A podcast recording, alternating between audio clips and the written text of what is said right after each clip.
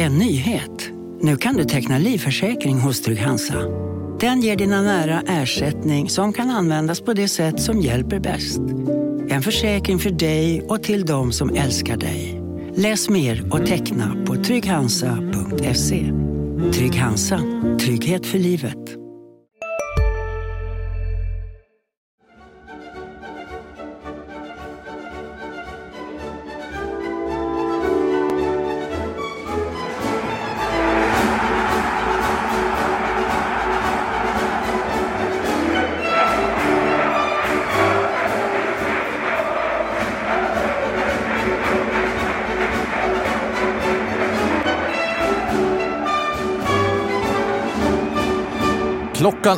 På söndag i Eskilstuna på Tunavallen. AFC Eskilstuna mot Helsingborgs IF. Det är alltså tredje placerade laget nerifrån mot nästjumbon som möts. Det skiljer fyra poäng. Det är sista matchen innan ett sommaruppehåll. Hoho, den matchen är inte att leka med. Oj, och Erik Persson och Sebastian Rönnström nyper sig i armen och tänker oj, reder de ut det här? Ja, ja, litet faktafel där, för jag nöp mig faktiskt inte i armen. Det, nu kryddar du lite väl mycket här nu, Hjelm. Jag har inga marken heller på mina armar här, eh, så... Mm. Fak faktafel. faktafel direkt. Men ja, ja, vi, vi, kommer att komma till det där. Vi ska starta i en helt annan ände. Äh, inte helt annan ände, för vi rör oss i HIF-kretsar. Erik, du har avslöjat idag att Kasper Videll är på väg bort, vilket eh, vår kollega Marianne Svab avslöjade i, igår att eh, han var en av två spelare som eh, HIF är på väg att sälja. Den andra är Benjamin Aqua. Jag vänder mig direkt till dig Erik. Vi tar det färskaste, vi tar det senaste. Berätta. Eh, ja, nej men eh, precis som du sa, eh, Marian eh, skrev ju under onsdagen att eh, HIF eh, kan tänka sig att sälja redan i sommarens transferfönster eh, med fokus då på Kasper Videll och Benjamin Aqua. Kasper Videll som eh, har ett kontrakt som går ut vid årsskiftet. Benjamin Aqua sitter på ett eh, längre eh, kontrakt och, och vi vet ju sedan tidigare att före detta sportchefen Andreas Granqvist eh, Eh, har tänkt att eh, HIF en vacker dag kommer få mycket, mycket pengar för eh, Benjamin Aqua. Kasper Videll har ju också varit ryktenas man i vissa perioder. Det tog väl inte många timmar efter kvalbragden i Halmstad exempelvis innan, innan det spekulerades kring en flytt till Belgien och så. Men han har blivit kvar efter sin tidiga debut i, i, i den allsvenska sfären 2020. Um, men nu så eh, verkar det bli en utlandsflytt eh, för Kasper Widell. Eh, Excelsior, enligt mina uppgifter, eh, är klubben som eh, är högaktuell för Kasper Widell just nu. Det ska finnas fler klubbar med i bilden, men Excelsior eh, ska som sagt vara högaktuellt. Eh, enligt, ja, mina, enligt mina uppgifter så framgår det inte om något eh, kontrakt är signerat och så, men eh, mycket talar för att han hamnar i Eredivisie i i Rotterdam eh, och i en klubb som hamnade på 15 plats precis ovanför negativt kval eh, den gångna säsongen i Eredivisie. Eh, Excelsior som har varit något av ett jojo-lag i holländsk fotboll. Eh. Så att eh, så ser det ut. Inte helt ologiskt att det kanske blir en affär av här då, utgående kontrakt och inte några diskussioner och förhandlingar som har pågått vad, vad vi vet under året med HIF? Nej, vi har ju frågat x antal gånger om det här utgående kontraktet. Eh, även om det har varit uppe på bordet på Olympia, om det har snackats om en förlängning och då har ju svaret varit eh, nej. Och eh, jag eh, tänker mig att alla inblandade parter bör ha siktat in sig på det här sommarfönstret, att det är sista chansen att få eh, övergångspengar.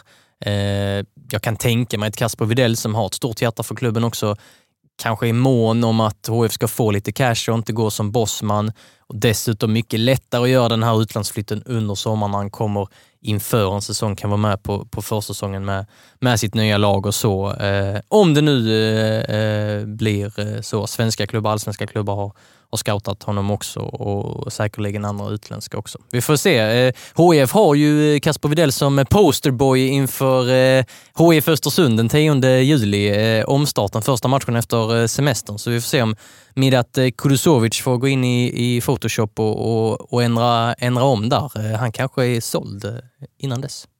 tycker det är intressant det du säger där med att jag håller med i det resonemanget att man nog har haft med i beräkningarna att det är det här sommarfönstret man, man ska sälja Kasper Widell i och även att det givetvis utifrån Kasper Widells egen karriär är det bästa tillfället att lämna nu med tanke på att han kan komma in och få försäsongen där.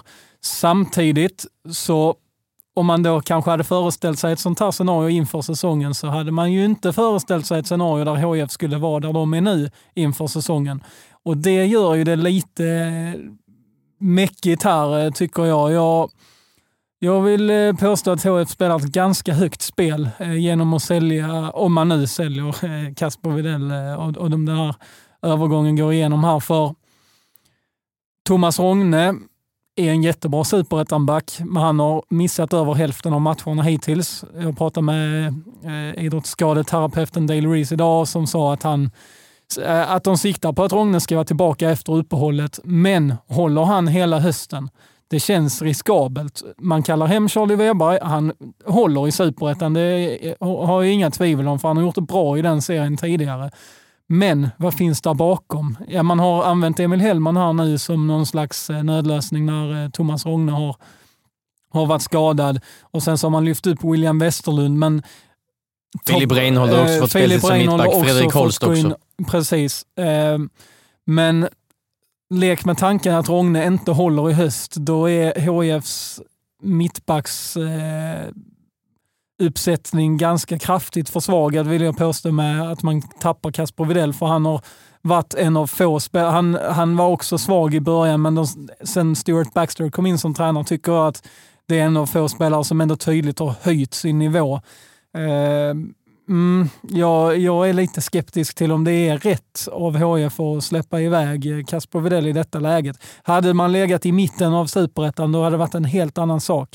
Eh, absolut, behöver HIF, jag köper det här att HIF behöver få in pengar och att, man, eh, att det kanske är enda vägen för att kunna förstärka på övriga positioner i laget. Men det är trots allt en av lagets bästa spelare som man eh, tappar här eh, mitt i säsongen när det, man slåss för att hålla sig kvar i elitfotbollen. Eh, ja, eh, och nu vet vi inte några summor och så här, men jag kan inte tänka mig att det rör sig om 5-10 miljoner. Liksom. Det kan vi nog utesluta med tanke på kontraktslängden. Så Mm, ja, med tanke på annat också, inte ja, bara kontraktslängden. Ja, men det är ju såklart en, en faktor. Det, exakt. Så det lär inte bli jätte, jätte, jätte, jättemycket klirr i kassan. Så, exakt, och skulle man då även väga in Aqua, om man säljer honom, där kanske det kan bli lite mer pengar förvisso, men jag tror inte att det är några vi snackar ju inte några 30 miljoner liksom eh, där heller. Så, Som det väl har pratats lite om på Olympia tidigare, att man trodde att han skulle kunna exakt, gå för sådana Att man skulle kunna få stora summor för honom. Så jag fattar att HF är i ett jobbigt läge där man verkligen behöver väga de här besluten och, och att det är svårt. Men det, det, är inte utan ganska hög risk man går in i, i de här eh, förhandlingarna tycker jag faktiskt. Ja, det är ju intressant för eh, om då Rogne inte är med och om Videll eh, inte är med i den här mittbacksekvationen säsongen ut så Charlie Weberg, eh, ja det verkar vara tydliga signaler på att han ska vara i HIF åtminstone kontraktet ut. Han har ju också ett utgående kontrakt. Då ska han eh, rakt in. Ska han spela bredvid Emil Hellman då? Två vänsterfötter. Ska Charlie Weberg spela eh, höger mittback då, då tappar man hans X-faktor. Eh, ska Emil Hellman spela höger mittback, då har, kommer han antagligen få det ännu lite svårare kanske än vad han har haft eh, hittills, för han har ju haft, haft bekymmer också. Är egentligen inte mittback och är egentligen liksom en, en rollspelare. Det är inte en spelare som HF liksom bygger det här eh, laget på.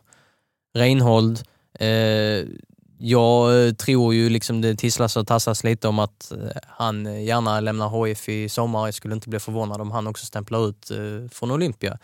Det kanske frigör ett och annat för att ta in någon mer mittback. Men mm, William Westerlund, eh, oprövad, är väl också eh, vänsterfotad.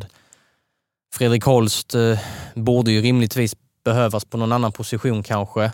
Ehm, jag säger att eh, den interna lösningen, eh, om Kasper Widell lämnar och Rogne fortsätter skada, det är att man plockar ner eh, Adam Hellborg och eh, försöker spela in eh, Zuma Almadjed i, i nummer sex eh, positionen. och så Ja, Aqua är en annan fråga, men kanske ett mittfält. Ja, Aqua ska ju spela där då om han är kvar och sen finns det några andra att, att laborera med. Eh, Hellboys har inte övertygat på eh, Eh, mittfältet, är defensivt präglad. Han har liksom en del försvarsinstinkter, gjorde några minuter i kuppen i den positionen skulle kunna ha en fin fot tillsammans med, med Weberg. Där utvecklades ju Kasper Widell eh, under våren, eller det har han gjort tycker jag, just uppspelsfoten. Men här skulle man kunna få nya eh, dimensioner.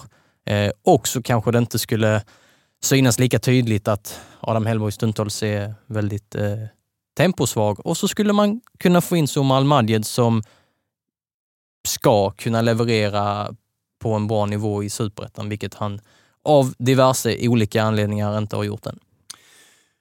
Nu har jag stått och lyssnat på er när ni har eh, argumenterat och resonerat kring Kasper Videll. Eh, och ni som lyssnar på veckans avsnitt av HIF-podden, vi kommer till matchen som nyligen spelades. Den som blev 2-2 hemma mot Jönköping Södra. Vi kommer till tabelläget, vi kommer till andra saker.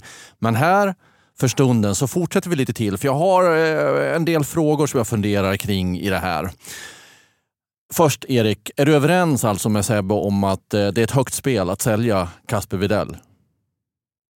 Uh, ehm, ja, alltså jag förstår ju absolut uh, resonemanget och uh, ja, men säg att man inte har en intern lösning, säg att man inte, inte ser Adam Hellborg eh, som ett eh, alternativ som mittback exempelvis och inte, och inte ser något annat. Liksom, att, man, att man tycker att man har typ Emil Hellman och Reinhold och, och så vidare. Då, då blir det ju ett högt spel för man, man behöver ha in något annat där. Eh, samtidigt, eh, så som klubben liksom rent, ja, men om vi verkligen kollar klubben, inte bara laget, så, så bör man väl ta chansen att få lite betalt. Även om det som sagt inte kommer att vara så mycket kanske. Så ja, jag tror att laget hade blivit mer försvagat om man hade blivit av med Benjamin Aqua kanske, som, som har en eh, ja, men, tydligare spetskompetens. Här skulle man kunna göra ett rakt byte med Kasper Widell ut, eh, Charlie Weber in och det måste nödvändigtvis inte bli en eh, eh försvagning. Och så kanske man har Rogne där också. Eh, och, och, och, så. Men skulle Aqua försvinna där framme, Uh, hur ska man ersätta honom rent kvalitativt? Ja, är, är, du med hur jag menar? Jag är med, jag är med. Vi kommer till Aqua. Vi kommer till Aqua. Vi kan inte bara släppa Videll eh, Weber igen. För jag, jag, jag har fått en känsla, eh, kanske inte av er, men när man lyssnar runt lite och hör eh, och läser och så vidare. Det börjar det inte bli väl höga förväntningar på en Charlie Weber som inte varit självklar i HIF. Om man pratar om honom, okay, jag är överdrifternas människa, nästan som en frälsare. Det är att lägga, alltså, han är mittback. Är, han har sina förtjänster och, och, brister som alla andra spelare, men det är ju liksom inte den spelaren som kommer att gå in och säkra kontraktet för för HIF Det kan man göra som mittback tycker jag. Jag tycker inte det behöver vara positionsknutet. Men ja. Mm, ja, det, ja, men min poäng är att nu, nu börjar det skruvas upp förväntningar på Charlie Weberg om då Kasper Videll dessutom säljs och kanske inte för så mycket pengar.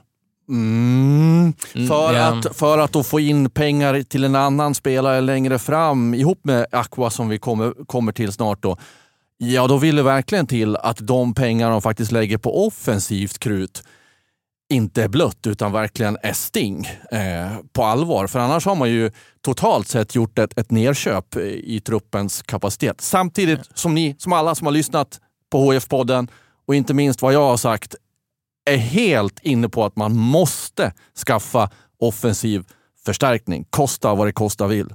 Ja, nej men jag, jag förstår uh, vad du menar. Jag, jag, jag, tycker också rent generellt, inte bara i Charlie Weber-caset, att det, det, det, blir lite väl uh, liksom uppiskad uh, stämning och, och lite väl mycket hype, uh, hype-feeling kring, kring vissa återvändande spelare för lag i prekära lägen. Och vi ska komma ihåg att eh, Charlie Weber hamnade väldigt, väldigt tydligt i HFs eh, frysbox eh, med tidigare tränaruppsättning och sportchefsuppsättning och så. Ehm, samtidigt som han bitvis har då fått mycket, mycket förtroende. Men att han, ja, utgående kontrakt, jag menar i vintras, då var det ju snarare så känslan att han har kanske gjort sin sista, sista match i, i HF. Fansen är ju såklart svältfödda på spelare som kommer in och levererar. Det, det, detta är dessutom en, en, eh, en kille som har en, en HIF-passion och har gått eh, eh, genom akademin och sånt. Så på pappret ser det ju väldigt bra ut. Klart att han ska in här och leverera. Han har varit med i allsvenskan och så ska eh, vara bra på den här nivån. I grunden är det liksom en, en eh, fullt duglig eh, superettanback. I allsvenskan syns bristerna på ett annat sätt. Eh, men ja, alltså, man ska väl vara glad att Charlie Weber är, är, kommer tillbaka och, och, och kanske extra glada då om det innebär att man faktiskt kan sälja en spelare och det nödvändigtvis kanske inte blir en eh, försvagning. Sen kanske man inte... Eh, ja, det är väl det är väl viktigare att få in en, en eh, offensiv pjäs så att säga. Där kanske man ska ha eh, lite, lite liksom högre förväntningar att den här gubben ska in och göra rejäl jäkla skillnad och kanske smälla in tio bollar en, en höst, för det måste vara på den nivån för att det, det blir bra. Eh, ja. Ja, så mitt resonemang grundar sig just i osäkerheten kring Rogne. Det är mycket möjligt att han eh, är tillbaka 100% efter uppehållet och, kan spela resten av säsongen. I så fall ser jag inga problem. Alltså Rogne och Charlie Weber är ju ett, är ett jag skulle säga mycket bra mittbackspar i, i superettan. Charlie Weber har bevisat i den här serien innan att han håller och jag tycker ju att han hamnar oförtjänt i den där frysboxen. Det var inte så att han var eh, superbra i allsvenskan, men det var ingen annan spelare heller. Det var liksom inte han som var problemet förra säsongen, utan det var så mycket mer som var, var dåligt. Så att, att just han fick liksom bli så tydligt bortprioriterad tycker jag var lite märkligt och, och eh, fel. Eh, sen, men så jag tror ju att håller sig Rogne skadefri så är det ju inga konstigheter. Då, eh, bör, då är det ju rätt beslut att liksom sälja Videll och få in pengar. Men kopplat till den här osäkerheten som finns runt, eh, runt Rogne och att han har haft problem här egentligen eh, ända sedan i höstas. Eh, av olika anledningar så blir det ju farligt och när man inte har något annat riktigt bra alternativ. Och sen är det återigen anmärkningsvärt, vi har nämnt det här tidigare, men att man skeppade iväg Charlie Weber på lån till Danmark. Att man eh, eh, bröt kontraktet med Ali Sulic som, som hamnar nu i AFC Eskilstuna och ska möta HF eh, till helgen. Det här med Ali Sulic, det, det kom inte som en blixt från klar himmel, även om Mattias Lindström pratade lite sådana ordalag. Så det, det hade ju varit på gång i, i många månader och det tugget hade varit eh, liksom aktuellt att Ali Sulic kanske skulle eh, lämna. Eh, och då gör man det när man vet att Thomas Rogne har problem med vaden och antagligen inte lär spela Eh, 30 omgångar eh, och så vidare. Och vid det laget visste man väl inte ens att Filip Reinholdt kunde användas som mittback. Så att, ja. Okej, okay. nu kanske vi ska släppa just Videll och gå framåt i planen jag använder alltid ordet plan, aldrig bana. Ni kommer aldrig höra mig säga bana om en fotbollsplan. En bana, det är för slalomåkare. Inte i banan. Du tänker ju på Bob och sånt. Ja. Men ofantligt många spelare och tränare pratar om en bana. Jag förstår det inte. Här i min vokabulär så är det i planen. Så längre fram i planen finns ju Aqua. Och här blir det ju då lite mer snurrigt för mig, eh, om jag ska uttrycka min åsikt. För om man nu är ute efter att skaffa offensiv kvalitet, ska man då sälja den spelaren som har störst offensiv kvalitet? Det går ju inte ihop i min skalle. Så Visst, man kanske då vill tjäna pengar på Aqua också, men eh, sälja Aqua, då spelar man ett högt spel, säger jag. Ja, det, jag är med dig där Hjelm. Det är liksom ett högt spel på ett, på ett helt annat sätt, som jag var inne på innan också. Alltså, där tappar man kvalitet som man inte, som man inte har. Alltså, i mittbacksfrågan här, Videll, eh, Videll ut och, och Weber in, så kan det bli liksom, ja, men plus minus noll. Lite den känslan kanske. Eh, med Aqua, hur, då måste man ju nästan värva en ersättare till honom. Och hur, hur, blir det bra då? Eh, sen sitter han på ett kontrakt till 31 december 2025. Det finns med andra ord fler transferfönster att, eh, att sälja honom. Eh, nu spelar man ju i ja, men antingen superettan eller ettan eh, nästa år. Eh, man kan diskutera, kommer hans marknadsvärde höjas eh, till nästa transferfönster eller till nästa sommar och så vidare. Det kan ju också gå ner om man blir kvar eller rent av eh, åker ner till, till ettan. Men där hade, där hade väl jag, om det inte kommer in något pangbud, eh, gärna om jag hade suttit i, eh, på HF-kontoret eh, väntat till, till vinterfönstret i alla fall. För där, där finns det ju också en möjlighet att, att hans prestationer ökar hans eh, eh, marknadsvärde för att han har så mycket i sig och han har ju ärligt talat inte fått ut jättemycket här eh, under våren. Skadeproblem och så vidare och blandar och ger. Eh, ja, så att dels sportsligt men också rent eh, pengamässigt att man kanske kan krama ur mer där. Så jag, jag, ja, jag sitter i din båt där igen. jag sitter också i den båten för eh, man, man saknar ju liksom den spelartypen i truppen. Alltså hur, hur, det pratade vi om inför säsongen också, att det var väldigt många defensivt präglade mittfältare, men där är knappt någon offensiv. Eh, det är Oliver Stojanovic Fredin som är lite mer offensivt lagd, men han har ju inte imponerat. Och sen så är där ju Rasmus Jönsson som kommer tillbaka från skada, men det är ju en helt annan sorts spelare än Benjamin Aklund. Det finns ja, ju... Jan Kabashi kan också använda ja, sin inommittfältare. Ja, och egentligen ytterforward, yttermittfältare. Ja. Eh, men så Rasmus Jönsson är ju väldigt eh, liksom, duktig med boll och kunna sätta upp sina spelare, men han har ju inte alls den farten och den tekniken som Aqua har som kan liksom göra en gubbe på egen hand. Liksom. Eh, så nej, där, jag landar återigen i det här att det, det, är, det är riskfyllt och, det, det, är klart att det, det ska vara riskfyllt i ett sånt här läge. För alltså HF måste ju tänka på klubbens framtid, måste tänka på sin ekonomi. Även om man har gått plus nu eh, fyra år i rad eller vad det är, så är det ju liksom, man balanserar ju på en jäkligt skör lina. Liksom. Eh, och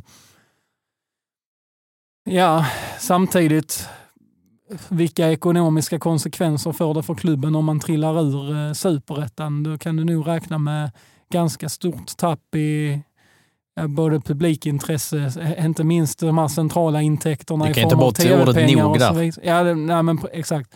Så det, det slår ju mot så o, otroligt stora delar av verksamheten om man skulle trilla ur eh, superettan. Då är frågan vad någon miljon hit eller dit för Aqua är värd om, man, om det beslutet i slutändan leder till att man trillar ur superettan. Så det är, ja, det ja, är hans, ett han... eh, otroligt eh, svår, eh, svår situation att hantera. Ja, och hans eh, prislapp måste varit högre när han faktiskt gjorde, gjorde många bra matcher i allsvenskan Exakt. och så och nu har haft det här halvåret som inte har varit bra. Sen är det också eh, liksom befogat att kolla på hans eh, Hans eh, ålder, han fyller eh, 23 i december i år, så han är ju inte purung. Hur, hur, hur mycket påverkar det eh, kring, eh, kring eh, köpande eh, klubbar och så? Kollar vi ut i Europa har kartan ritats om. De, litar, eh, eller de, de letar efter, efter fler eh, yngre förmågor och går snarare på, på potentialen färdiga spelare och då är, då är 23 eh, ja, ganska gammalt helt, helt plötsligt. Då.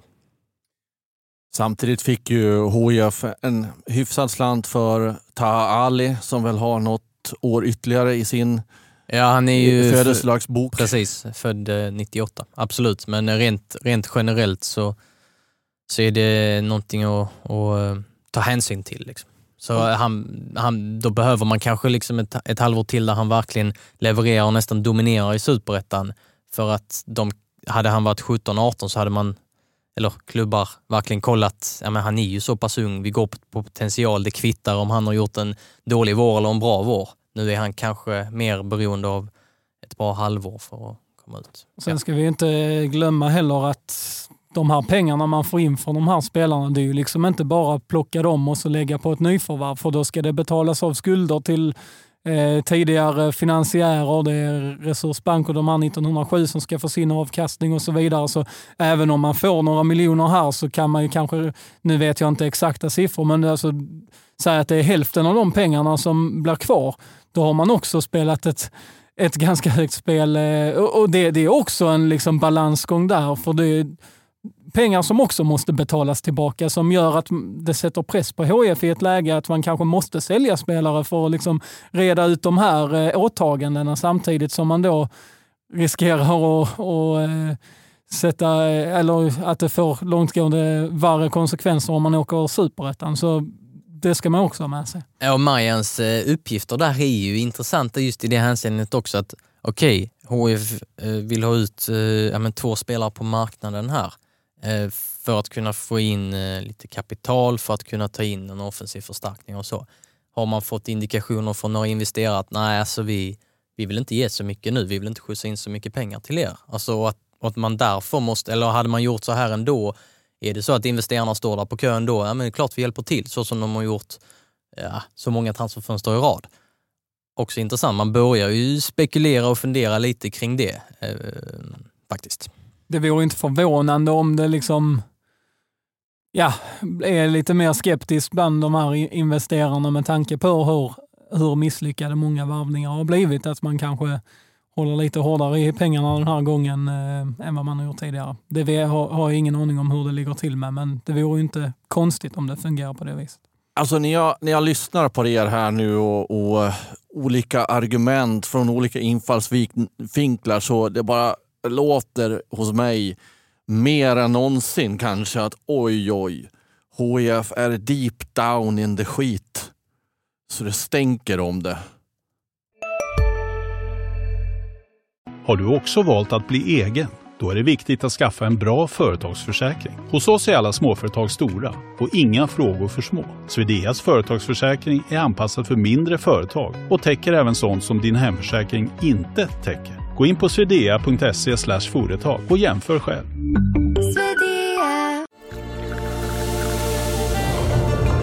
Välkommen till Maccafé på utvalda McDonalds restauranger med Baristakaffe till rimligt pris. Vad sägs om en latte eller cappuccino för bara 35 kronor? Alltid gjorda av våra utbildade baristor.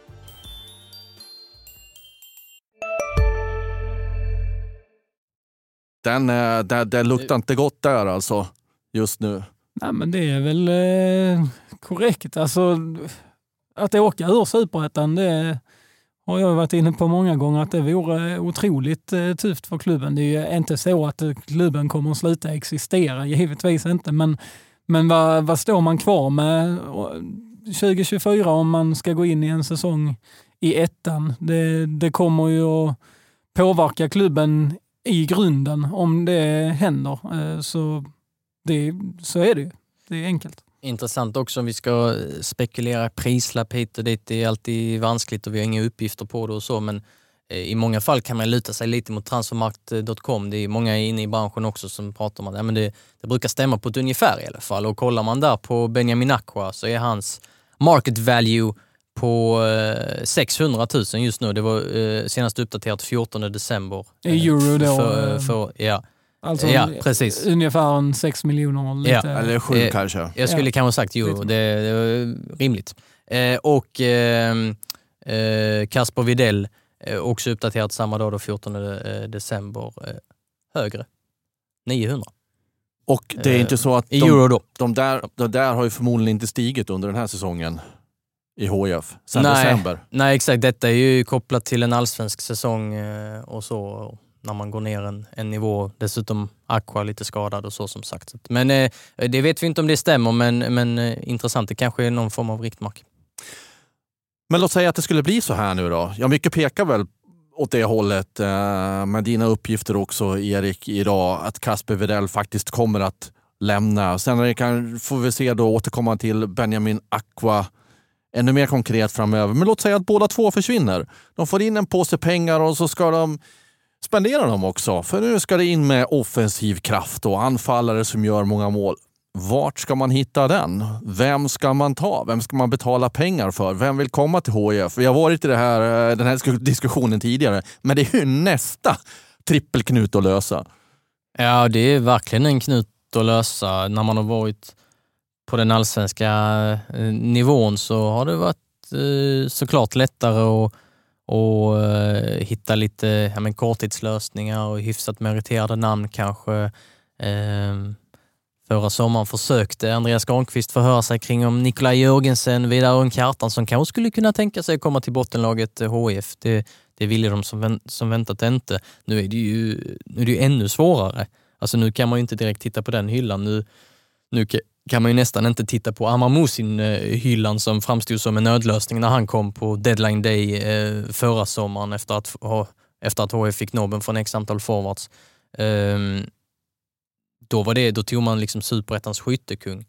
Nu, ta, nu kan man inte ta superettans skyttekung. Är det liksom ettans skyttekung man ska kolla på då? Alltså, mm, eh, svårt. Sen känns det som att, en del eh, eh värvningar har kommit till Eh, tack vare eh, Andreas Granqvists eh, rykte, liksom mycket som spelare och sånt och ehm, eh, att vissa har ja, men, lockats av det. Ehm, och nu har man inte kvar eh, Granqvist där. Ehm, så frågan är vad man lockar med. Är det, är det Stuart Baxter som ringer eh, till några sydafrikaner och frågar, fråga om de vill komma hit? Eller? Jag, jag vet inte. Eller har man eh, tillräckligt bra scouting i ettan kan man hitta något i division 2? Ja. Tungt för den killen också kanske att komma in och, och som, någon, eh, som någon frälsare om man nu är, är central forward och så kommer man från lägre nivå och kanske till och med gör debut på den här nivån. Jag, jag vet inte, vi har inga namn men det, man, man spekulerar, spekulerar ju mycket och jag landar väl i att det, ja, det kommer att bli svårare än på väldigt många år. Oavsett om man har investerat eller inte och och hit och dit. Men vilka är liksom intresserade av att gå till, eh, till ett bottenlag och till en klubb som, som har, har varit i en turbulent karusell i, i så många års tid? Ja, det skulle ju vara i så fall om man hittar något alltså liknande Erik Ring, typ. alltså någon som inte får speltid i ett allsvenskt lag eh, som behöver ett halvår i superettan för att komma Jack igång. Jack Cooper Love tänker jag på då i Elfsborg som får minimalt med speltid där, som var aktuell för HIF mm. förra sommaren. Men då går väl han till något bättre? Då går väl inte han till, det, till superettans man, man tänker så, men absolut finns ju den möjligheten.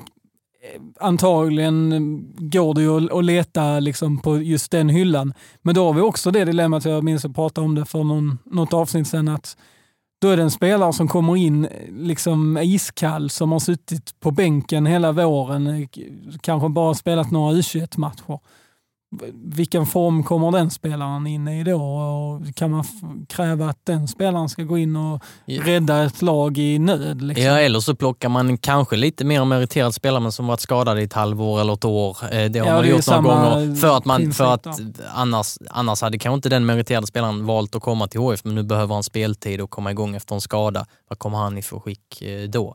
Mm. Har ni några namn det ryktas om? Eh eller någonting sådär? Nej, jag sitter inte på några uppgifter om något, eh, om något specifikt eh, forwardsnamn eh, just, eh, just Finn Bogasson kanske? Ja, det, det har man ju i och för sig sett på Twitter att det är en del HF-fans som försöker eh, locka till eh, islänningen eh, tillbaka till HF. Ehm, ja, det hade varit anmärkningsvärt. Ja, det hade det. Utgående kontrakt. I 30 juni va, går det ut med, med Lyngby. Det vore ju ja, det vore en smällkaramell. Det får man eh, nog säga, ja. Ha. Sen så har det ju eh, eh, skrivit som Wade LeKay, eh, sydafrikan, 26 eh, år från Cape Town City. Eh, har inte direkt eh, öst in mål i sydafrikanska eh, eh, ligan och sen har de väl sagt på Olympia när vi har frågat att eh, vi har ingen koll på honom så att eh, det var kanske bara eh, ja, men någon agent som har planterat det eller något. Jag, jag vet inte. Nu släpper vi den delen och så går vi tillbaka lite i tiden och pratar eh, HIF Jönköping Södra som alltså slutade 2-2 efter att Erik Ring i andra halvlek kvitterat två gånger om. Men om man tar det från början. I första halvlek tog jag mitt block och kastade det i papperskorgen, ställde mig och stampade på datorn, stack utanför Olympia och körde idioten, ringde till SOS Alarm och skrek “Hjälp mig! Ett lag får inte uppträda så här dåligt”. Typ. Eh, nej, men det var inte bra. Jag fick otroliga bilder i mitt huvud just Det nu. var eh, fantastiskt att höra den här eh, storyn. ja, men, ja men allvarligt, alltså HIF kommer ut eh, på Olympia och ska eh, verkligen spela för, för tre poäng och sen uppträda på det sättet som man gör i första halvlek. Det får ju bara inte hända. Eh, Jönköping hade ju sådana enorma ytor. Jag vet inte när jag såg det senast. Och kunde, borde ha dödat matchen där och då och HIF skulle ha gått tomhänt från den här eh, bataljen eh, som blev en batalj till slut. Men HIF fick chansen tack vare Jönköpings oförmåga och tog vara på den chansen och lyckades få med sig en poäng. Välförtjänt? Ja, kanske sett till andra halvlek, men innan dess? Nej, verkligen inte. Erik Ring som eh, var aktuell för eh, J Södra i vintras. Eh, det har vi ju skrivit om. Eh, Jonas Barney, eh, helsingborgaren, Påarpssonen som är sportchef i J Södra var, var sugen eh, på att knyta Erik Ring eh, till sig. Eh, första målet eh, var ju också ganska intressant. Nu ska vi inte stå här och kritisera ett mål, det är ju bra att göra mål, men, men eh, det kändes ganska, när Erik Ring sprang fram där, det kändes ganska obeslutsamt och han hade liksom lägen att passa och så vidare. Och jag vet ju inte vad som rörde sig i hans huvud, men det, kände, det såg ut som att han inte riktigt visste vad han skulle göra och, och så fick han lite hjälp av en, av en J Södra-försvarare och kanske att Alex Nilsson, även om det touchar på en back, skulle ha tagit. Jag tycker väl det att han kanske borde ha tagit det avslutet. Men, men eh, jättebra eh, såklart. Sen eh, apropå att inte kolla upp alltid, Amar Musin hade ju jätteläge att passa eh, Fredrik Holst eller Amin Alamawi senare i matchen också, men valde att ta avslut. Alex Nilsson räddade. Men eh, ja, 2-2, det, det får väl eh, ses som någon form av bedrift med tanke på hur det stundtals eh, såg ut, som du var inne på Hjelm, och att eh, eh, J Södra hade ledningen med både 1 och eh, 2, 1-0 och 2-1 och, och att eh, det blev ett väldigt sent mål från Erik Ring där. Det är väl ingen nyhet att det ofta ser dåligt ut när HIF spelar fotboll. Det har det gjort i de flesta matcherna den här säsongen. Men eh, absolut är det ju starkt så sätt att, att komma tillbaka efter en sån första halvlek. Eh, att ändå få med sig en poäng, det, det får man ju det, det, har ju ändå hänt några gånger nu. Man har räddat en poäng mot Sundsvall, man har räddat en poäng mot Örebro. Och Poäng tre också. raka matcher. Ja, poäng i tre raka matcher. eh, Men återigen det här att det hjälper ju inte så jäkla mycket om man bara tar en poäng. De kommer inte kunna kryssa sig kvar i superettan. Eh, Och framförallt prestationsmässigt. Ja, det- alltså, det, det måste, det måste se bättre ut. verkligen bli bättre. Det, det, Ah, det är man, man känner, känns som man bara upprepar sig själv varje vecka i den här podden och är, är kritisk. Och det hade varit roligt att kunna säga något mer positivt, men eh, det måste ändå fortsatt bli bättre. Alltså. Nej, Alltså, jag, jag måste kliva in här. Jag, jag, egentligen ska ju inte jag kanske tycka så mycket, men jag, jag, Varför inte då? ja, men eh, jag ska ju försöka hålla trådarna här och mm, låta er andra Man tycka. kan, man kan hålla två saker i huvudet Ja, samtidigt. Du löser eh, både och. ja. Tyck nu! jag håller på att mixtra med ljudet också. Ja, tre saker. Ja. Tyck nu. Labbe, du var in, du pratade om att man lyckades få en poäng där, Seb, och en poäng där. Alltså när jag tittar på det här, de har sju poäng. I min bok skulle de inte haft sju poäng ens. Och man kan titta på era statistik, eller era, men det ni brukar titta på statistikverktyg och sådär. Ja, jag går in på Wisecout. Men, men visst, och, expected goals och, och allt vad det heter och expected points och så. Och det kanske, det kanske då säger emot det jag säger nu. Men när jag tittar på det. Guys borde ha avgjort matchen mot HIF och vunnit i första halvlek. Örebro borde ha vunnit. Eh, Jönköping eh, borde ha vunnit eh, utifrån hur matchen gestaltade sig. Eh, och eh, Skövde borde ha vunnit. Alltså det finns flera, man kvitterar sent mot GIF Sundsvall. Det är inte så många matcher åt andra hållet där man kan säga att ah, de fick inte med sig tre poäng fast de förtjänade det. Poängskörden i min värld, sju på 7 av 33 är fler än vad spelet har visat. Eh, vilket är för mig ruggigt anmärkningsvärt. Nu säger inte jag att jag har rätt, men det är så jag ser på det. Eh, och att Och så själva knorren på detta som kanske någonstans sätter perspektivet i det, i det starkaste av ljus. HIF ska alltså vara sjukt nöjt med att jumbon Skövde slår Eskilstuna hemma. Eh, jumbon Skövde eh, som kanske hjälper HIF att krabbla sig upp vad det lider på negativ kvalplats. Nu skiljer fyra poäng. Annars hade det skilt, skilt fler poäng upp till Eskilstuna. Alltså, med det här spelet, då bär det raka vägen ner i, i ettan. För mig råder det ingen, inga tvivel om det. Det måste verkligen höjas på, på flera plan. Och att få tre poängare, ja då måste man börja prestera mer än en halvlek när man har fått en, en, en, andra chans in i livet igen på något vis. Nu är jag ju ruggigt kritisk här, men jag tycker det är, är så mycket som fattas fortfarande. Och det, det får mig också att faktiskt ifrågasätta eh, Stuart Baxter också. Jag har tänkt tanken, hur många poäng hade HIF haft med Lindström Santos kvar över hela vägen? Som fick så sjukt mycket kritik. Kanske hade de inte haft så många poäng. Kanske hade det stått på noll fortfarande. Det vet vi inte. Ingen får veta.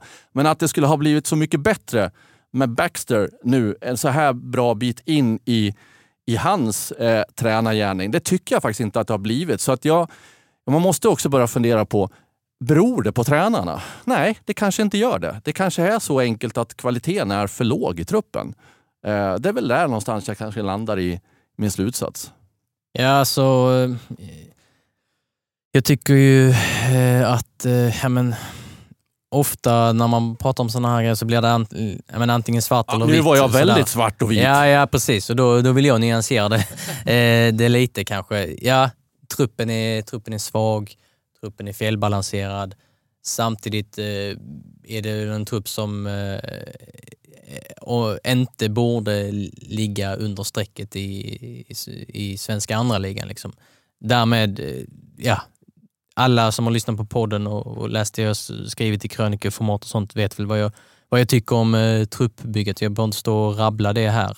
Eh, Alvaro Santos och Mattias Lindström eh, ja, min känsla är att de inte var redo, redo för uppgiften eh, som eh, och liksom stå längst fram eh, vid tränarsidlinjen eh, på liksom högsta nationella eh, nivå och att eh, Stuart Baxter, eh, som ju faktiskt har, har, fått in lite poäng till det här eh, usla gänget höll jag på att säga, men det sargade gänget. Eh, eh, han tror jag har en en, en annan pondus, en annan eh, rätt fram eh, stil som, som kanske kan bita eh, lite. Sen är kanske skadan redan så, så svår att det inte eh, går att rädda, men det är en blandning av, av, av så himla mycket. Eh, så.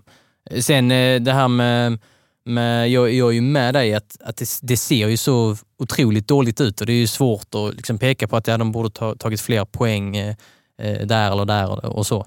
Eh, intressant då när Y-scout eh, skriver att eh, HF borde ha tagit 10,3 poäng istället för de här sju. Det, vilket man ska ju alltid... en helt annan bild än vad jag ja, Men man ska ju ta eh, sån sån här statistik med med en nypa salt såklart. Det, det får alla ha med sig när vi liksom nämner, nämner det. Men det, man undrar ju hur, var de har hittat de här 10,3 poängen. För att, eh, ja, Sundsvall exempelvis, där ska ju HIF vara var glada över att, att de fick en pinne och likadant här och så vidare. Så att, eh, ja, nej, alltså det, det, det är så mycket, alltså verkligen så mycket som måste bli bättre här och nu för att rädda kontraktet och sen är det så mycket, så mycket, så mycket som måste bli bättre i hela arbetet kring A-laget för att kunna, kunna få någon form av, eh, vad ska man kalla det, framgång eh, över tid. Att det, det, alltså, det, det, det går ju inte att säga något annat än att de att de står vid ruinens brant. Det är ju liksom den, den känslan man har haft eh, ganska många veckor nu. Och det är ju inte bara för att de inte tar så många poäng, utan det är ju liksom minst lika mycket hur de presterar. Att det, det är så svaga prestationer, att de, de är så långt ifrån liksom godkänd nivå rent prestationsmässigt i så många matcher att man, man för varje match man ser så har man svårare att se en förvandling. Mm.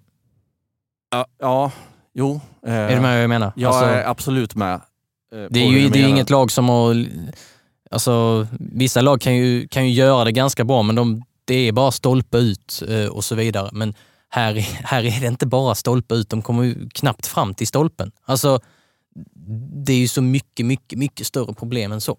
Ja, det finns ju ett par andra faktorer i detta också. Hur, hur är försvarsspelet vid de mål som släpps in? Eh, alltså där ju, återkommer ju då fel på fel och, och fasta situationer. Eh, mål som släpps in i slutet. Nu blev ju inte det eh, avgörande eftersom HIF också gjorde mål i slutet. Och, och, man kan, om vi då ska lyfta fram det som positivt, att man ändå kommer tillbaka. Man ger inte upp matchen trots att det har sett helt kört ut i spelet och lyckas ta poäng. Så det är klart att det finns ju någonting att bygga på. Erik Ring fick göra sina första superettan-mål.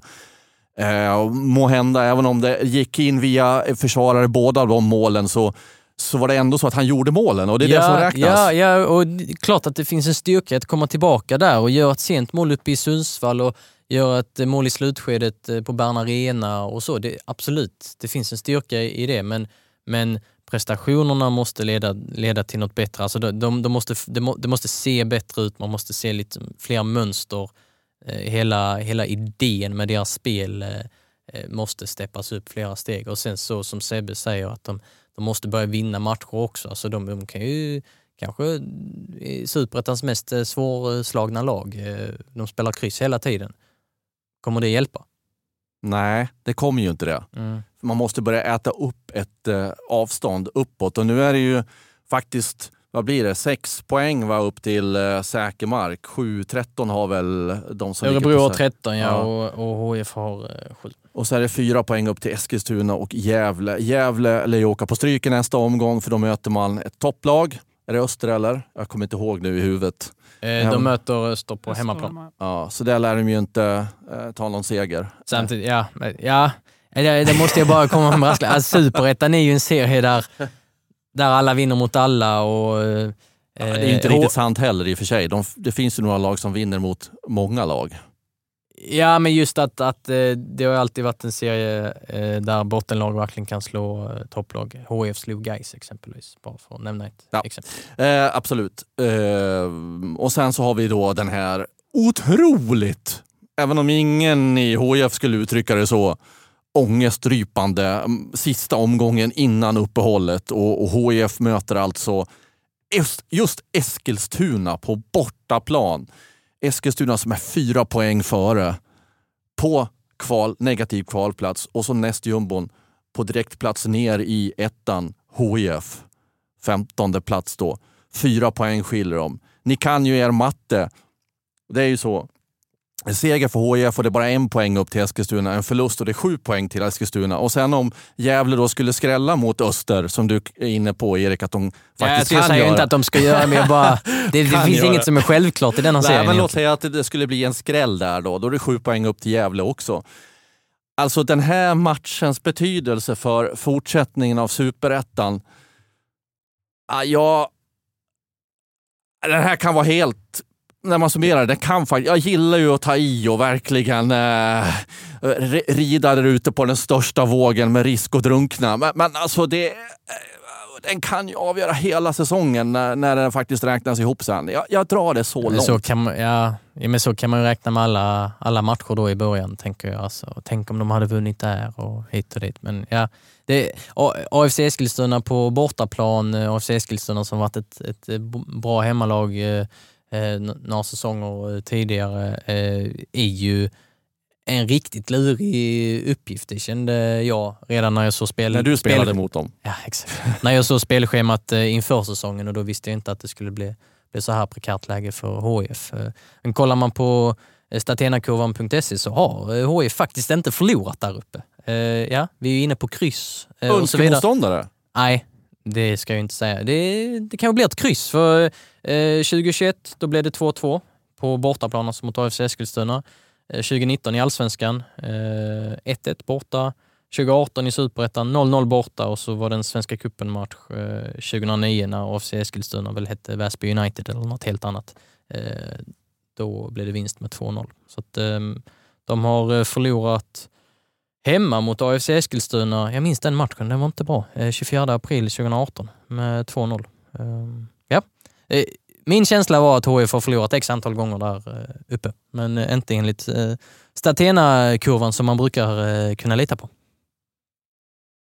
Vad tror du eh, Sebastian Rönnström? Jag har eh, svårt att se att HIF åker upp och vinner. Det, det är lite som Erik säger, att man för varje match som går så har man ju svårare och svårare att tro att det ska vända. Liksom. Men AFC där uppe på konstgräset eh, och så HIF i det läget de med. Eh, det, jag tror det är svårt att förvänta sig något mer än kryss. Eh, jag tror framför allt att väldigt många i HIF kommer att tycka det är väldigt skönt när den här matchen är färdigspelad och de kan gå på någon veckas semester och eh, tänka på något annat. Eh, även om det lär bli svårt för dem så, eh, så tror jag att eh, hela den här truppen och hela den här klubben är i behov av eh, några veckors eh, paus från matcher för för att komma in på en ny kula här när de återsamlas. vet jag inte exakta datumet på, men ja, det, det, de, de, sällan har väl ett lag behövt ett uppehåll så pass mycket som HF gör just nu. Ponera att det står eh, 0-0, klockan tickar upp mot eh, ja, men 80 minuter, 85 minuter där. Ska HIF gå för det då? Eller ska de bevaka den här, eh, det här krysset kanske då? För att AFC inte ska riskera att skjutsas längre ifrån dem. Vad säger du Hjelm? Jag gissar att du, du, du tänker att skicka upp en mittback och jaga 1-0 målet. Vad säger du Seve? Jag tycker nog inte man ska göra några sådana drastiska åtgärder och skicka upp en mittback utan jag var, jag var lite hjälmig här och överdrev. Ja, jag, jag lite trodde, kraftfullt. Jag trodde din fråga var Nej, riktad till Sebbe om vad tror du, tänker Hjelm att man ska skicka upp? Ja, det vet jag att han ja, tänker det, att du det tänker. Vet jag att, eller det, det tänker jag absolut att du gör. Nej, jag, jag tycker man ska eh, i så fall... Eh, Safea. Safea. För du tänker att ja, men säsongen är ändå lång, eh, de kan ju gå in och gå, gå, om AFC sen, medan för... Hjelm ser detta som den 30 omgången och en final. Ja, precis. Och säger han som just har sagt att en poäng, det räcker inte. Man måste ta tre poäng. Jo, men måste man göra det just på söndag? Precis just på söndag, precis mot just Eskilstuna på söndag så ska man ta tre poäng. Okay. Annars är säsongen körd? Nej, men den kan vara det om de förlorar. Ja, ni, ni, ni är helt tysta här. Ni, ni är helt tagna av och undrar om vad han fått i skallen idag. Hjälm. Nej, men du brukar låta så här ju. men jag, jag, skulle faktiskt vilja, jag kom på en sak som jag glömde säga i samband med Jönköping Södra. Får jag backa dit, även om det här blir väldigt okronologiskt och osystematiskt? Absolut. Någonting som jag slogs av där, som jag tyckte var väldigt imponerande, det var faktiskt Eh, jag faktiskt kanske inte ska använda det ordet, men det var klacken. Därför att jag tänkte, och jag sa det också till kollegan Marianne Svab där på pressläktaren, att otroligt alltså, så lite som den här klacken har fått att kunna må bra av, jubla för, eh, tacka klubben och spelarna för prestation och någonting sånt. Och så får de se denna första halvlek. Och de är alltså röststarka, och peppande, stöttande. Eh, hela halvleken. Det kommer ett burop och det är när domaren blåser av efter 49 minuter i första halvleken efter några stopptidsminuter. Då kommer ett unisont burop. Men det var ett. Sen var det på det igen, stötta laget hela vägen in i mål. Och då vet vi också allt som har hänt under säsongen med Granqvist och klacken och upprorsstämning som har varit i vissa fall. Och, och sen så då massor av dåliga resultat efter det och sen så bidrar med den insatsen eh, på Olympia. Det är faktiskt det, det, är hjärtat för klubben. Det är, det är stort gjort. Det, jag, jag kommer inte runt det. Jag måste bara få säga ja, det. Ja, verkligen. Och den tanken har slagit mig eh, många gånger här under våren. att äh, vilket, alltså fansen, eller där på Södra Stå, de har ju klarat eh, karaktärstestet och bara fortsätter. Eh, det är fantastiskt. Man, eh, man kan diskutera det här med publiksiffror på Olympia och sånt. Vi skrev om det eh, nyligen när det inte var, var eh, alls mycket folk, men, Men folket på Södra Stå, de, de är ju där. Eh, och det finns eh, liksom alltid en ja, men, rejäl klick eh, människor på, på bortastå i samband med bortamatcherna och, som följer den här klubben som den här klubben som har haft så enorma problem och som, som just nu är på nedflyttningsplats i andra ligan. Exakt. Alltså de här supporterna har, de har ju stått på Celtic Park och eh, kanske till och med San Siro och sett sin klubb spela. Och så, och så får de se sitt lag förlora med 1-0 mot, mot Utsikten liksom och, och, och vara i den här situationen. Och de går ändå dit. Alltså, det- ruggigt imponerande. Och ett eh, fint tifo inför matchen också där eh, med, med flaggorna och eh, ja, texten där Helsingborgs IF. Eh. Var inte F1 på fel håll? Eller? Ja, det var tydligen, hade det varit så under en kort eh, period och sen hade man upptäckt felet och rättat till det. Men det, det fångades på bild när F1 var på fel håll. Fast det är ju ändå... Det får ju ändå ligga ute i periferin. Här är det klart att man vill att ett tifo ska vara hundraprocentigt, men det, det får ju inte förta... Ja, tolka nu inte detta som att Nej, jag gjorde något utspel Nej, mot tifot. exakt, Jag ville exakt. bara fråga, för jag för mig att jag, jag såg det. Nej, men alltså, tänker in, sj- tänker in själva att det är ju som ett eh, måste vara som ett stort öppet sår där det bara strös salt i hela tiden. Match efter match. Man kommer och så har det läkt lite grann sådär såret och kanske börjar bli en skorpa och så tänker man lite hopp har vi här nu inför den här matchen och sen så bara nej. Och sen så bara fördjupas problemet och så ska man stå där med det där såret och ändå bara pumpar rött och blått. Man bara kör. Kör, kör. Och det var starkt. Alltså det var inte så att det var tyst och lågmält utan det var verkligen det var, det var stöd på riktigt. Nu menar jag inte att det inte har varit i andra matcher men det, det var så tydligt och det blev så markant eh, tycker jag. Och ni pratade om, och vi skrev det också om att det var så lite folk mot Skövde var det va? Och det var väl 4700 eller något sånt där. Ah, skitsamma, det var inte... Ja, jag kan kolla det här. Det är klart vi ska, rätt ska ju vara rätt. Vi ska Ja. ju ha eh, rätt eh, siffra. Eh, Och- 4427. Ja, precis. Så det, när man hör den siffran och HIF-sammanhang så kan man tänka så då att oj vad lite folk. Men man kan också vända på det och tänka, tänk att det kommer fortfarande 4400 personer till en jumbomatch hemma mot Skövde som inte har tagit några en segrar. torsdagkväll. En torsdagkväll. Och är där för att stötta sitt lag. Är det inte snarare så att det Jo, är åt absolut. andra hållet? Och vi skrev ju den här artikeln för att det är en av de sämsta eh, publiksiffrorna för HF på Olympia i seriesammanhang de senaste 30 åren. Det är ju någonstans liksom beröm eh, att de har haft så bra publiksiffror i, i så många år. Ja, Visst, sen har de de- varit ett av Sveriges eh, hetaste lag under någon period under, eh, under de 30 åren, men, men ändå. Mm, Ja, om man ser i eh, publikligan så toppar ju HIF och eh, vad var det, sex av de åtta Exakt. eh, publikrikaste matcherna hittills i Superettan har varit HIF. Det har varit vad var det, fyra hemmamatcher för HIF. Nu och två bortamatcher. Eh, och, Och sen var bortamatcher. Göteborgsderbyt med Sen var det också. bara Öster-Trelleborg, Östers hemmapremiär och eh, Göteborgsderbyt mellan Gais och Örgryte som har lockat. Det är två matcher som Det har lockat mer Superettans publik än, än. HIFs matcher. Så det, det säger ju verkligen någonting om eh, det otroliga stödet som, som trots allt eh, fortfarande finns eh, runt den här föreningen. Ja, det visar att det är en, eh, en, en anrik klubb. En av, en av Sveriges, eh, vissa säger att det är en av Sveriges största klubbar. Eh, det kanske man kan diskutera, men en av Sveriges mest eh, anrika klubbar som några veckor till i alla fall är, är sexa i Allsvenskans maratontabell.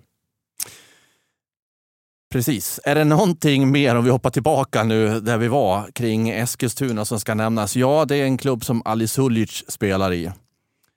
Eh, Jag lämnade i slutet av eh, transferfönstret här in- inför säsongen. Det blev officiellt på Superettans upptaktsträff, vad var det, 27 mars, att Ali Sulic gjorde flytten från HF till AFC Eskilstuna. Och här har jag inte gjort min research, jag har inte gjort min läxa, vilket jag givetvis skulle ha gjort. Den har jag missat, så nu får jag ställa den öppet här och stå med dumstruten. Men han är i spel, eller hur ligger det Spelat till? 11 matcher, 10 från start, ett, ett inhopp. Ja, så han lär spela. Vi vet ingenting om att det är någon skada eller något sånt där som han dras med.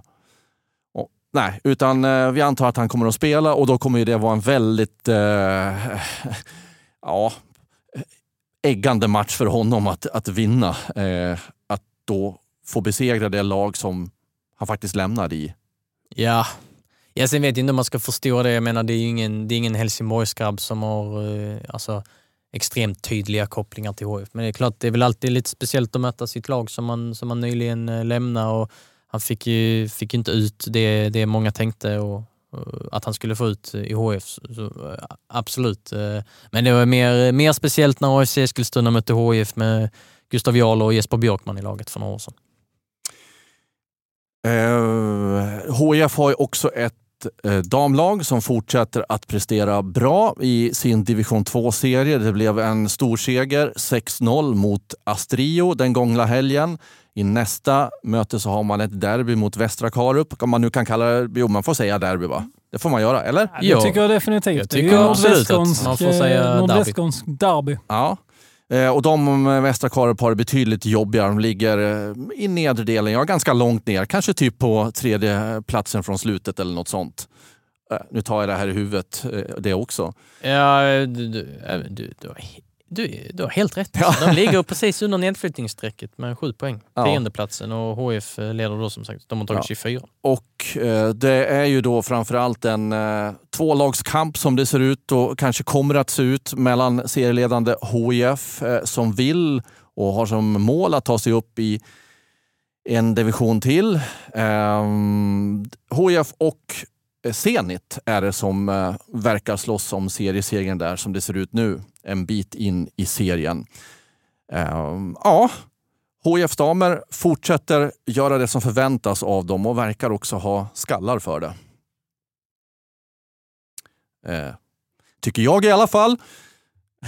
Ja, det är väl svårt att säga. Ja, det, ja, det, var en fråga. Så ja, jo, ja, Vi har ett samtal här, men Ja, det har ja. pågått en timme nu. Men, Ja. men det, Ja, men, nej, men absolut. Det, finns väl, eh, det går väl inte att leta efter något argument för att säga emot dig där.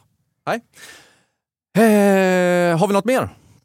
Eh, Sebbe har, han Jag har gjort ett litet eh, detektivarbete ehm, och hittat, eh, detta är inte bekräftat vad jag har kunnat se varken från, från någon av klubbarna, men enligt Svenska fotbollförbundets hemsida så ska HF spela en träningsmatch borta mot Mjällby. Herrlaget alltså? Ja, herrlaget.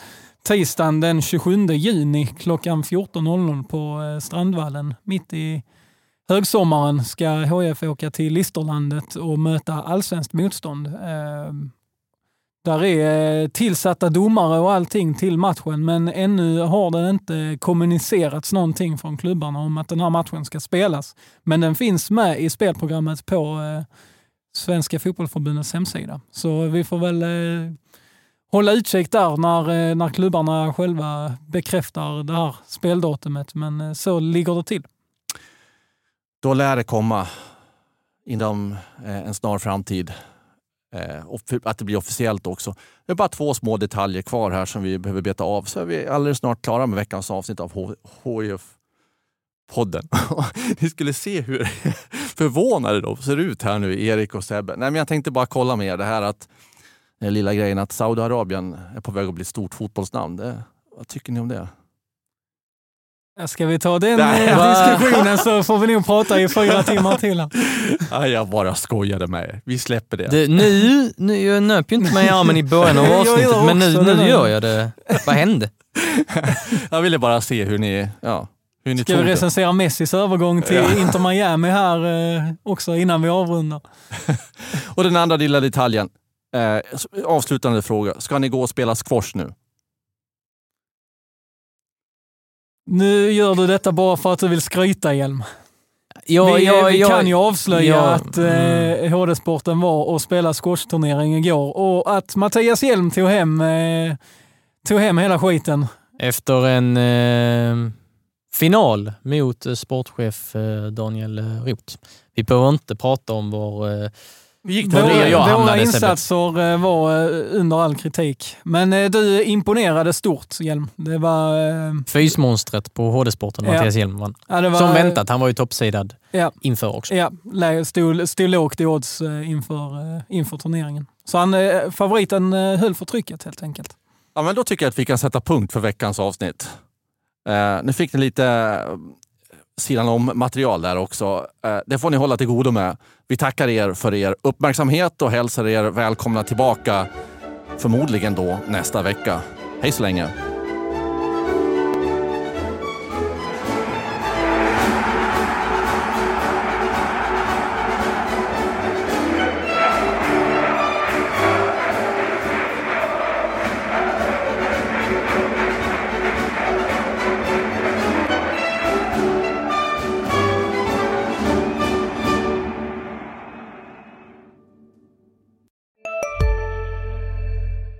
Välkommen till Maccafé på utvalda McDonalds restauranger med Baristakaffe till rimligt pris. Vad sägs om en latte eller cappuccino för bara 35 kronor? Alltid gjorda av våra utbildade baristor. Hej, Susanne Axel här. När du gör som jag och listar dig på en av Krys vårdcentraler får du en fast läkarkontakt som kan din sjukdomshistoria. Du får träffa erfarna specialister, tillgång till lättakuten och så kan du chatta med vårdpersonalen. Så gör ditt viktigaste val idag, lista dig hos Kry.